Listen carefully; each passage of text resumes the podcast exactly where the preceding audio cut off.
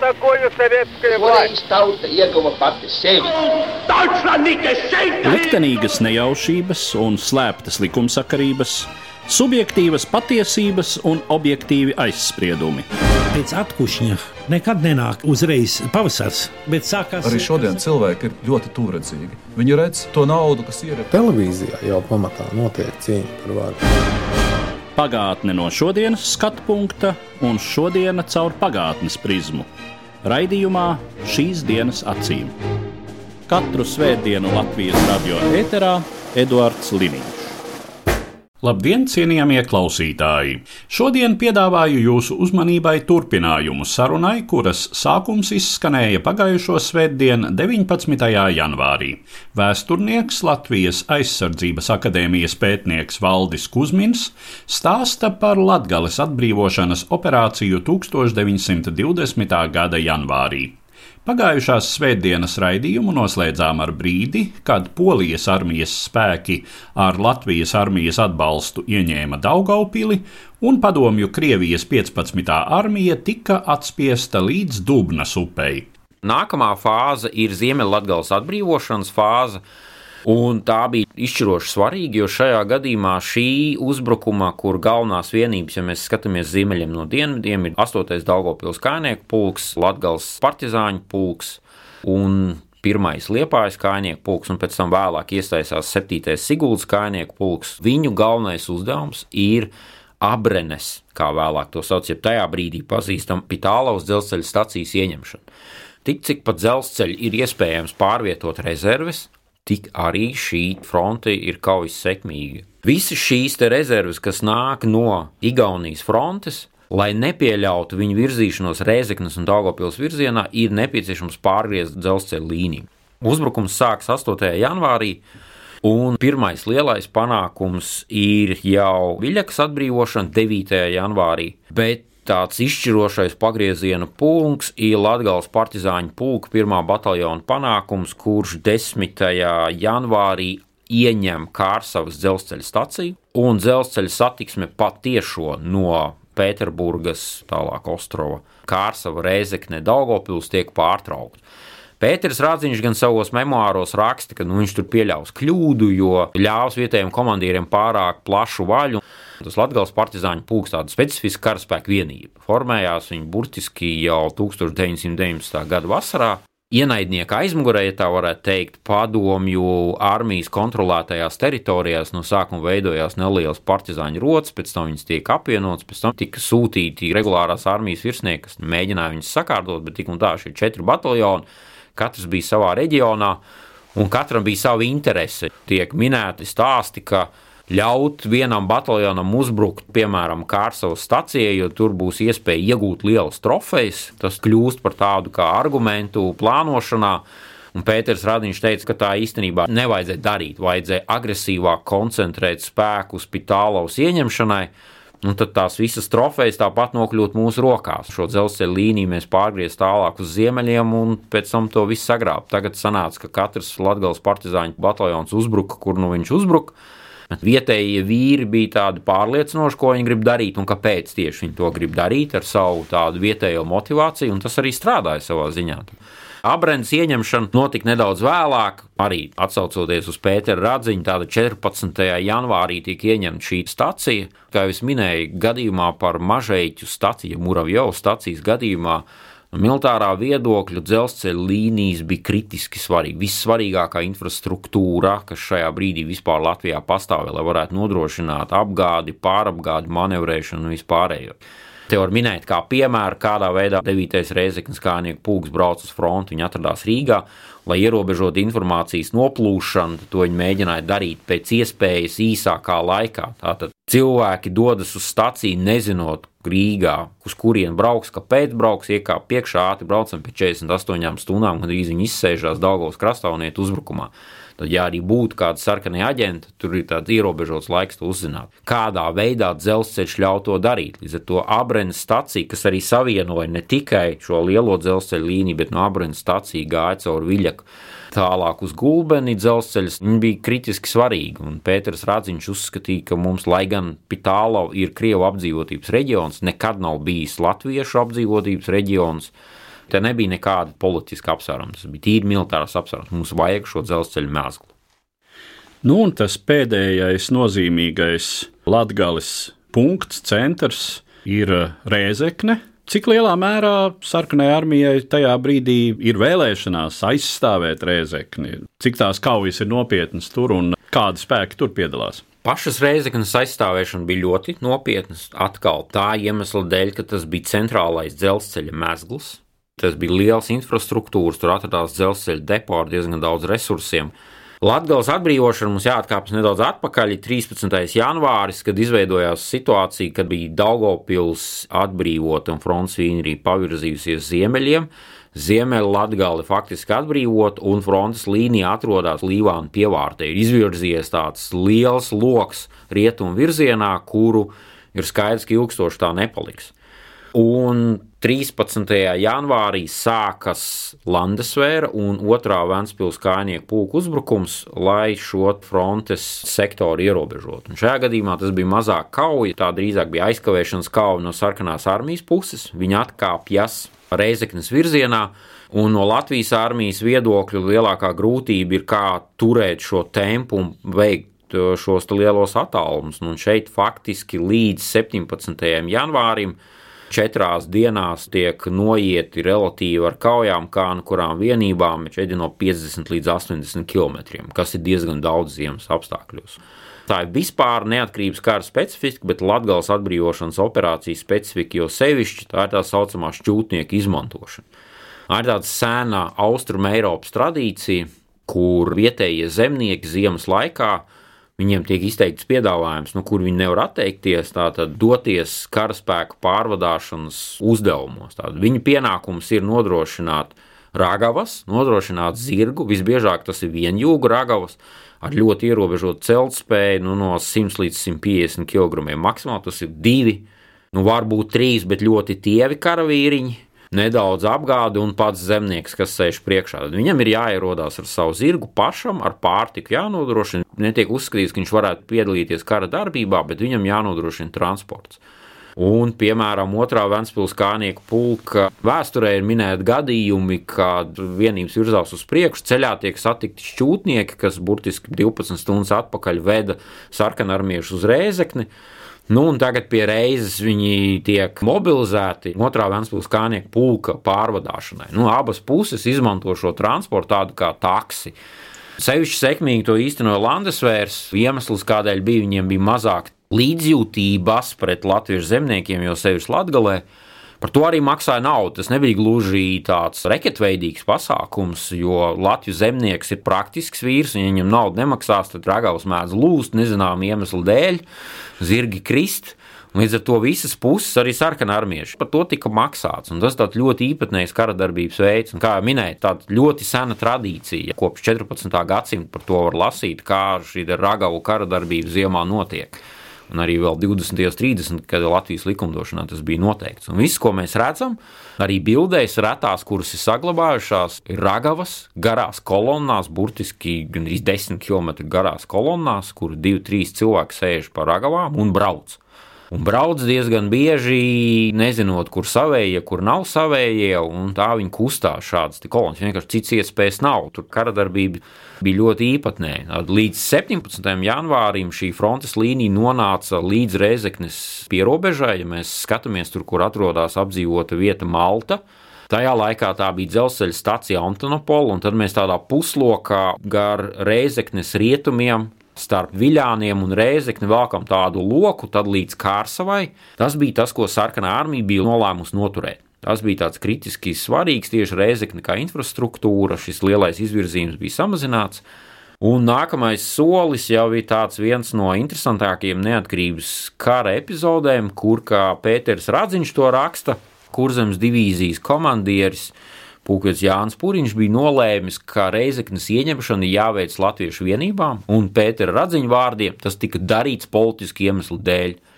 Vienības, kuras atradās visizdevīgākā pozīcijā Reizeknas ieņemšanā, bija Latvijas Landesvēra vienības, Latvijas armijas vienība, kuras rindās bija Vācu balti. Kas bija viena no kaujas spējīgākajām, skaitliski lielākajām vienībām. Mierīnas sastāvs bija 5000 cilvēku, bet kaujas sastāvs dažādās fāzēs stipri svārstījās. 13. janvārī tas bija nedaudz vairāk par 1000 karotājiem, pēc tam vēlāk viņš palielinājās līdz 2000. Bet Jānis Pūriņš plāno, ka latviešu vienībām obligāti jāiet pirmajā. Un tas ir politisks lēmums. Un šeit ir tāda īpatnēja situācija, ka Latvijas zemesardze, sauksim to par Landesvēru, kā viņi pazina tajā brīdī, komandieris bija Britu armijas virsnieks, majora dienesta pakāpē Harolds Aleksandrs, kurš, lai varētu komandēt viņam, nu, tā ir tāds termins brevē, ka viņš pilda pulkveža leitnanta dienesta pienākumus, tāpēc, ka viņa amats neatbilst viņa dienesta pakāpē, nu, tad viņš tiek tādā veidā tā pielāgots. Aleksandrs nolēma nepakļauties, apzināti nepakļauties Jāņa Pūriņa pavēlei un izplāno Reizeknas ieņemšanu, lai Landesvērs ieiet iekšā.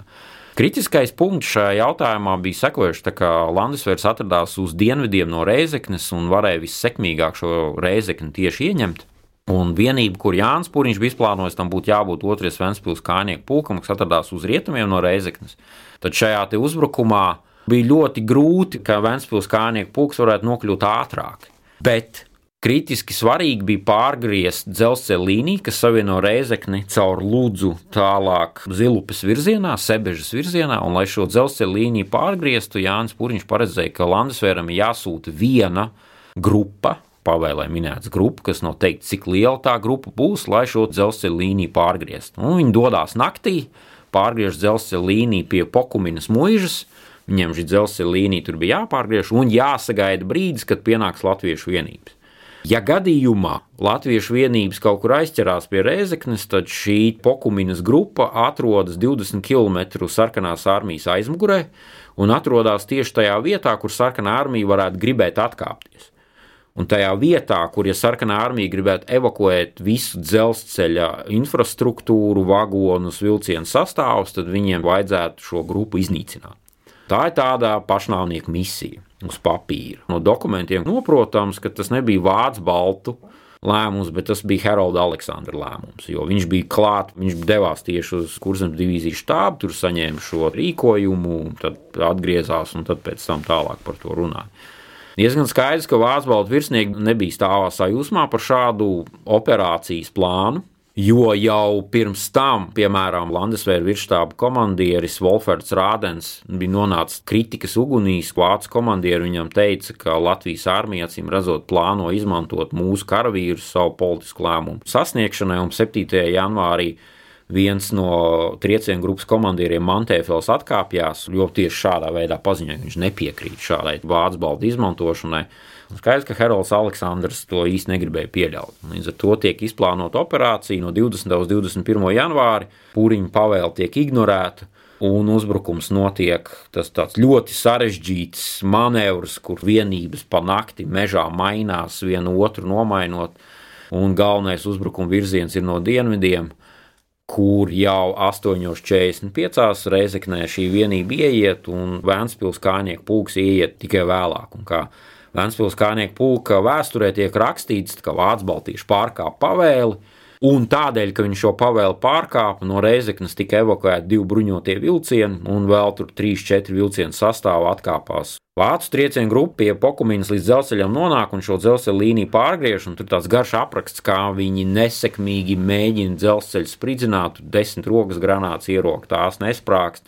Lielgabals nevar pievilkt, jo zirgi ir pārāk noguruši. Viņam tur 30 km vienā naktī bija jānoiet pa tumsu, jābrien pa dziļu sniegu. Tas tāds ļoti gars apraksts, bet starp rindām var noprast, ka īsti varbūt viņi arī negribēja šo dzelzceļu uzspridzināt. Jo, ja dzelzceļš būtu uzspridzināts, tad visi šie bruņotie vilcieni kāptu ārā, un ko tad viņi darītu? Viņi vienkārši pāriet pāri tai vienai vienībai. Tādēļ šie dzelzceļa vilcieni brauca, un no mūžas parka uzstādītiem ložmetējiem, nu, viņi tur 12 ložmetēji, cik var šaut, tik arī sašaut, un cik tas bija sekmīgi, tik bija sekmīgi. Šī kauja, tas reids bija sekmīgs, varēja būt labāk, bet nu, tas tāds netipisks gadījums, un piemēram pēc Heralds Aleksandrs nekādas Latvijas armijas apbalvojumus nesaņēma.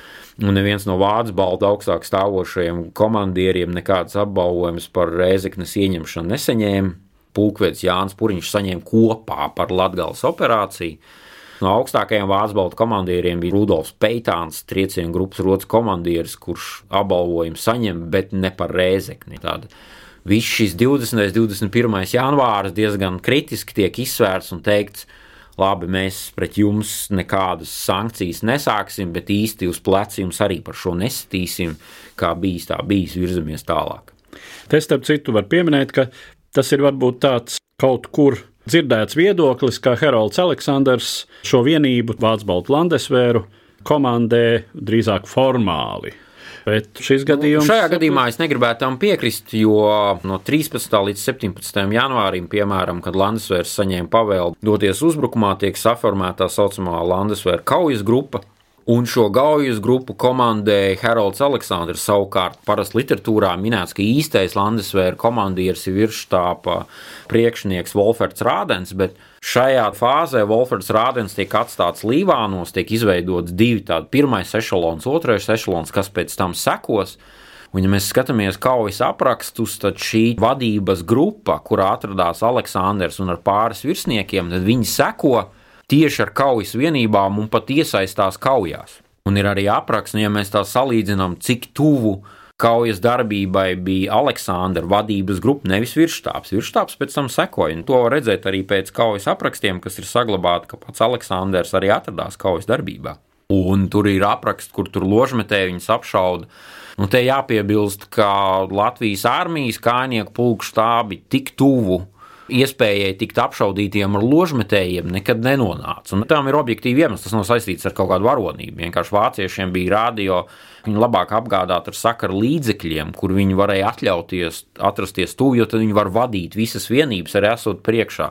Latvijas armijā šie rādio sakari nekādos sapņos nerādījās. Pat telefona sakari bija tādi, kā bija, un viņiem bija objektīvi jāatrodas tur, kur viņi var vadīt vienības. Bet Heralds Aleksandrs, tas, kas ir redzams no dokumentiem, no pavēlēm, kā tas tiek sagatavots, kurš paraksta pavēles un kurā brīdī pavēles tiek parakstītas, ir redzams, ka tajā brīdī, kad tiek sagatavots šis reizeknas ieņemšanas plāns, Wolfers Rādens burtiski pāris stundas kā atpakaļ ar šo pirmo ešalonu ieradies. Viņš vispār nav lietas kursā, kas tur varētu notikt, kā tur varētu notikt. Pieņem, ka viņš atbalstīja. Karls Aleksandrs vismaz vācu memoāros tiek ļoti pozitīvi vērtēts, kā ļoti diplomātisks un kā ļoti kompetents virsnieks. Jo Pirmā pasaules kara laikā Aleksandrs bija sākot no rotas komandieris, bataljona komandieris, brīžiem brigādes komandieris visās Lielbritānijas bruņoto spēku asiņainākajās kaujās rietumu frontē, brīžiem, kur visi virsnieki krīt, viņš tiek pacelts divus līmeņus virs tā, kur viņam būtu jākomandē. Viņš jau piedalās kaujā vairākas reizes ievainots. Es domāju, viņa autoritāte arī pie vācu baltiem, ne tikai vācu baltiem, tur ir tāda maza nianses, ka ir tāds pieņēmums, ka tajā brīdī, kad Baltijas landes vai iekļauts Latvijas armijā, ka visi vācu pilsoņi tika no turienes aizsūtīti prom. Piemēram, triecienu grupu tajā brīdī komandēja grāfs Beizels, kas bija Vācijas pavalsnieks. Tur bija garas sarunas, kurus mēs ņemsim, kurus mēs neņemsim. Un diezgan daudz bija arī Vācijas pilsoņi, kas tur piedalījās. Un ne tikai Landesvērā, tur, piemēram, Latvijas partizāņu pulka jātnieka eskadronā bija arī viens Vācijas pilsonis, vācietis no kādreizējā Goldfelda eskadrona, kurš šo kāršavu stacijas ieņemšanā krīt kaujā un pēc tam pēc nāves viņa arī apbalvoja Lāšplēšu trešo šķiru. Kā viņš tur nokļuva, godīgi sakot, es nezinu. Tā man tāda liela intriga saprast kā viņš no Goldfelda eskadrona nonāk Latvijas partizāņu pulkā, bet tur nu viņš bija. Un var piebilst, ka Haralds Aleksandrs ir vēl viens no tiem vārdiem ar pasaules skanējumu, kas sevi vēlāk eh, visnotaļ pierāda. Otrajā pasaules karā mēs runājām, ka pretējā pusē cēsu kauju laikā un pirms tam Fondergolca štābā ir Jā, Heins, Heins Guderians, Evalds Forn Kleists un tad vēl seko Siksts Forn Arnims. Mēs Jā. tur varam vairāk nekā duci saskaitīt vēlāko slaveno vācu ģenerāļu tieši dzelzdivīzijas sastāvā. Bet Heralds Aleksandrs, jā, pēc tam viņš ir virspavēlnieks Ziemeļāfrikā. Viņa augstākais amats bija sabiedroto spēku augstākais virspavēlnieks Itālijā. Nu, viņš ir eh, tas konkurents Montgomerijam. Tie bija divi tādi lielākie, slavenākie komandieri Feldmaršala Eiropā. Feldmaršals Montgomerijs un Aleksandrs, kur bija liela konkurenti. Sportiska cīņa diezgan ambicioziem cilvēkiem. Viņi pēc rakstura bija atšķirīgi. Aleksandrs bija tāds mierīgāks un vairāk sarunu ceļā, kompromisu meklējošs. Tie lēmumi bija vairāk tādi kolektīvi, Montgomerijs bija vairāk tāds dūri galdā sitējis, teiksim tā. Es tā teicu, es tā gribu un uz priekšu. Tādas divas personības, viņas arī otrā pasaules karā, tā Aleksandra, ko mēs redzam no neatkarības kara pieredzes, viņa arī tās iezīmes redzamas arī otrā pasaules kara laikā. Noteikti tā Reizeknas operācija, gan vispār Latvijas operācija, ja mēs skatāmies, kā polijas armijas vienības, gan bruņoto vilcienu izmanto, arī šajās kaujās. Trešais bruņotais vilciens, viņš tur kaujās parāda sevi no labākās puses nerakstīgi Latvijas armijai agresiju un iniciatīvu uzņemšanos, kur viņi tur iebrauc ienaidnieka aizmugurē. Gan arī tie apraksti ir kā no vesterna, tādiem revolveru lielgabaliem tiešā tēmējumā un melnie pūļi mums uzbruka, mēs tur atšaujamies no viņiem. Tie apraksti diezgan kolorīti, es teiktu. Tātad pēc Rēzeknes ieņemšanas. Lielākā pēc tam pilsētas 26. janvārī Lūdza un pēc tam tālāk Zilupa. Es domāju, šeit mēs varam diezgan tā kritiski novilkt punktu. Ir 1. februārs, kad šīs sarunas, par kurām mēs runājam, kas notiek visu janvāru. Tas nav tā, ka pēkšņi 1. februāra rītā atskan telefons zvans padomju, Krievija sāk runāt par pamieru. Nē, sarunas notiek visu janvāri, konsultācijas notiek visu janvāri. Un šajā gadījumā tas svarīgais pēdējais punkts, kas notiek konsultācijās, un kas arī bija pirms tam jau septembrī, oktobrī, novembrī, jautājums, kam piederēs Latvija. Un, piemēram, no politiskā viedokļa Latvijas sociāldemokrāti diezgan ilgi uzsvēra, ka nav nepieciešams tieši karot ar padomju Krieviju dēļ Latvijas, ka padomju Krievija īstenībā ir gatava Latviju atdot sarunu rezultātā un Latviju atzīt kā Latvijas teritoriju. Bet šajā gadījumā es domāju, jāuzsver tas, ka brīdis, kad Latvija ir Latvijas armijas rokās, tas nākamajās sarunās tas izslēdz tādu kā tirgošanās objektu. Padomju Krievija noteikti izmantot iespēju, mēs jums atdodam Latviju, bet mēs nemaksāsim jums, piemēram, tur samaksāt. Ja nemaldos, tas bija 3 tonnas zelta, kas vēlāk nokļuva, bet tas, ka Latvija vairs nav pamiera vai miera sarunu objekts, ir izšķirošs iemesls, kādēļ 1. februārī pamieris tiek noslēgts. Sākotnēji jāuzsver arī, ka visas šīs konsultācijas bija slepenas. Viens no atbalstītājiem bija Pēters Radiņš, kas to uzskatīja, kā viņš vienu no faktoriem minēja, ka būtu ļoti degradējoši savā ziņā karavīriem karot, ja viņi zina, ka tajā pašā laikā politiķi, ļaunie pēdiņās politiķi ved sarunas ar ienaidnieku. Kāpēc tad mēs karojam? Viņš teica, ka sarunas notiek, viņām jābūt slepenām, mēs par to neinformējam. Arī pamieris sākotnēji bija nosacīts slepens arī tā paša iemesla dēļ. Pamieris neparedzēja, ka tiek pārtraukta kara darbība, bet abas puses vienojās, ka netiek mainīta frontes līnija. Tur, kur viņi tur arī paliek, izlūkdarbība, reidi, kas notika diezgan intensīvi, un arī kara darbība vēlāk bija ar gan ar bruņoto vilcienu izmantošanu, gan bruņoto automobīļu izmantošanu, bija diezgan intensīva. Tur simtos kara gūstekņi tika zaudēti, un tie zaudējumi bija diezgan smagi. Viņi turpinās visu miera sarunu vešanas laikā. Tas droši vien vēl būtu atsevišķs stāsts, kā šīs miera sarunas, par ko runā un paralēli, kā notiek šī kara darbība, bet 1. februāris tā būtu tā robežšķirtne.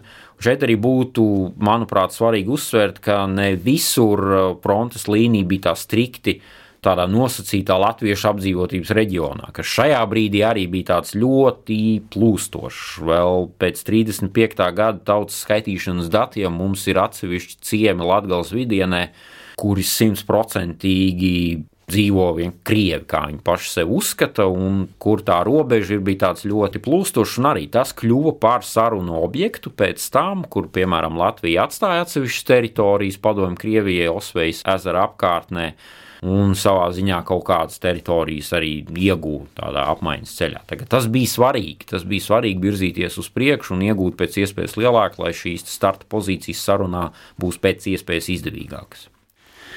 Kā notiek Polijas karaspēka pēc šīs sekmīgās kopīgās operācijas atvilkšana no Latvijas, kur atrodas Polijas karaspēks tajā brīdī, kad 1. februārī tiek noslēgts pamieris. Polijas karaspēks izvirzījās līdz Višķiem, un pēc tam, ja mēs iedomājamies tādu kārti, Rāznas ezera dienvidu gals, un mēs šī dienvidu gala tā nosacīt velkam taisni austrumu virzienā, Tas ir tas rajons, kurā atrodas polijas armijas vienības. Ja viņu loma sākumā bija izšķiroša, janvāra beigās Rēzeknes atbrīvošana, un cits starpā arī Rēzeknes atbrīvošanai polijas armijas vadība un tieši Rīts Smiglīs arī piedāvāja, ka nu, viņi varētu sniegt tādu palīdzīgu roku. Tad arī šajā gadījumā politiski iemeslu dēļ šī palīdzīgā roka tika noraidīta, un ja mēs tā novalkam, tad tur viņi arī atradās. Polijas karaspēku vienību atrašanās ir tāds garš un komplicēts stāsts. Protams, tur nebija arī bez savām domstarpībām. Pārtikas rekvizēšana, zirgu rekvizēšana. Tur, teiksim, bija tādi atsevišķi punkti, piemēram, poļiem vajadzēja atjaunot tiltu pār Daugovu. Kur viņi paši Nu, jā, kauju rezultātā viņi saspridzināja, protams, bet kāpēc viņi saspridzināja, tas arī drīzāk, kā jau minēju, šis te Antantis, kur viņi teica, ka Daugopili neieņemta, viņi arī saspridzināja. Un šī atvilkšana turpinās. Tas ir diezgan ilgstošs process, kur gan šeit radās tādas aizdomas, protams, vai gadījumā poļi negrib palikt Daugopilī un eventuāli kaut kā sākt šīs sarunas par Daugopils atstāšanu. Tas ir februāris, marts, aprīlis. Viens no iemesliem, kādēļ šī atvilkšana arī atvilkās, ir no Latvijas armijas puses, bija tādi ierobežoti argumenti, jo Zemgales divīzija, kas formējās tajā brīdī kurzemes dienvidrietumu apgabalā, viņi aizkavējās. Bruņošanai tika piegādāti Francijas ieroči. No sākuma bija doma, ka tie būs bezmaksas, pēc tam izrādās, ka mums viņi tiek vienkārši nosacītā līzingā dot. Tur bija garas sarunas, karaspēka formēšana, karaspēka pārvēršana. Tas bija diezgan ilgs process. Bet mēs varam teikt, ka līdz 1920. gada vasarai visa frontes līnija jau atrodas Latvijas armijas rokās. Kādēļ? Abas puses bija spējīgas ātri vienoties, tad mums jāskatās Polijas, Padomju, Krievijas militārais konflikts, kas notiek citos reģionos, kas pēc tam tur tālāk izvēršas brīnums pie Vislas un visur citur. Poļiem bija interesēti. Nu, tās vienības, kas bija poļu leģionu vienības, tās bija vienas no labākajām. Jā, mēs šeit runājam par pirmiem pūgu, otrais pūgs. Mēs runājam par kavalērijas brigādi. Viņas bija nepieciešams daudz kur citur. No vienas puses, poļu politiskā ambīcija un tāds skats pār plecu, vai gadījumā mēs negribētu Daugopilu atstāt pret militāro realitāti citos frontes sektoros. Un tas īsti vairs nebija nodrošināms. Šeit arī Polijas-Lietuvas konflikts briest, briest, briest. Un te jau ir daudz svarīgāks visu pakamt neizdotos. Un mēģināt ar visiem karot vienlaicīgi nebija īsti prātīgi. Latvijas armijas plāni, kurus Latvijas armija stāda tālāk, pēc tam, kad Latgale ir atbrīvota, piemēram, Igaunijas armija diezgan strauji sāk demobilizāciju. Tiklīdz ir noslēgts miers ar Padomi Krieviju, citas starpā tāpēc, ka lauku darbi negaida. Kāda ir Latvijas armijas situācija? Līdz brīdim, kad tiek noslēgts miera līgums, nekāda demobilizācija nav iespējama nekādā veidā un formā. Tātad līdz 11. augustam, miera līguma parakstīšanas brīdim, viņiem ir jāatrodas frontē jebkurā brīdī. Un tas arī ir ļoti svarīgs sarunu vešanas faktors.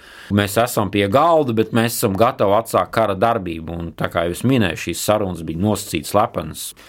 Latvijas armijas plāni bija diezgan vienkārši. Turam fronti, un noturam pēc iespējas ilgāk, kas mums ir pieejams, ar pēc iespējas mazākiem zaudējumiem. Šajā gadījumā zaudējumi ir samazināt saslimušo. Badām novārgušo un visādi savādāki, nodrošināt apgādi, kas arī nebija vienkārši, jo tur, kur dzelzceļa satiksme ir, tur ir. Bet, ja mēs skatāmies tur zilupas apkārtni, Osvejas ezera apkārtni, kur šī frontes līnija atradās, viņi atrodas nu, ļoti tādos neapdzīvotos apgabalos. Šeit mums jāņem vērā pavasara palika fotografijas saglabājušās, kur tad lieli aplūduši apgabali, jo tā bargā ziema kaut kad arī beidzās un sākās diezgan tāds šķidrs pavasars. No Latvijas armijas skatu punkta izteikti pasīvs no tā viedokļa, ka mēs turam fronti, bet nekāda demobilizācija notikt nevarēja. Nu, un arī kā ir noprotams, tad pietiekami sarežģīts uzdevums uzturēt šo. Jā, sarežģīts uzdevums. Ja mēs skatāmies kartes, oriģinālos materiālus, tad, jā, protams, vienības devās klāt, bet viņas bija salīdzinoši mazskaitlīgas.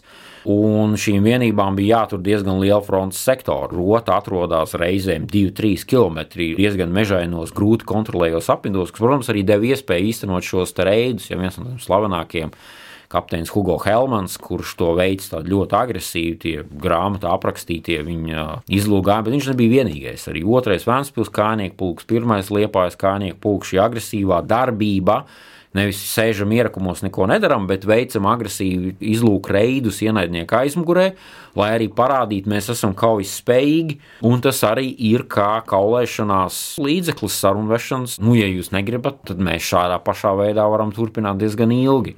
Par to, kā norisinās visu 1920. gada pirmo pusi Latvijas un Padomju Krievijas miera sarunas, par to mēs runāsim vēl kādā citā sarunā, bet par šīm sarunām, kas bija veltītas Latgales atbrīvošanai 1920. gada janvārī, es saku paldies manam sarunbiedram, vēsturniekam, Latvijas aizsardzības akadēmijas pētniekam Valdim Kusminam. Paldies! Katru svētdienu Latvijas radio viens par pagātni sarunājas Eduards Liniņš.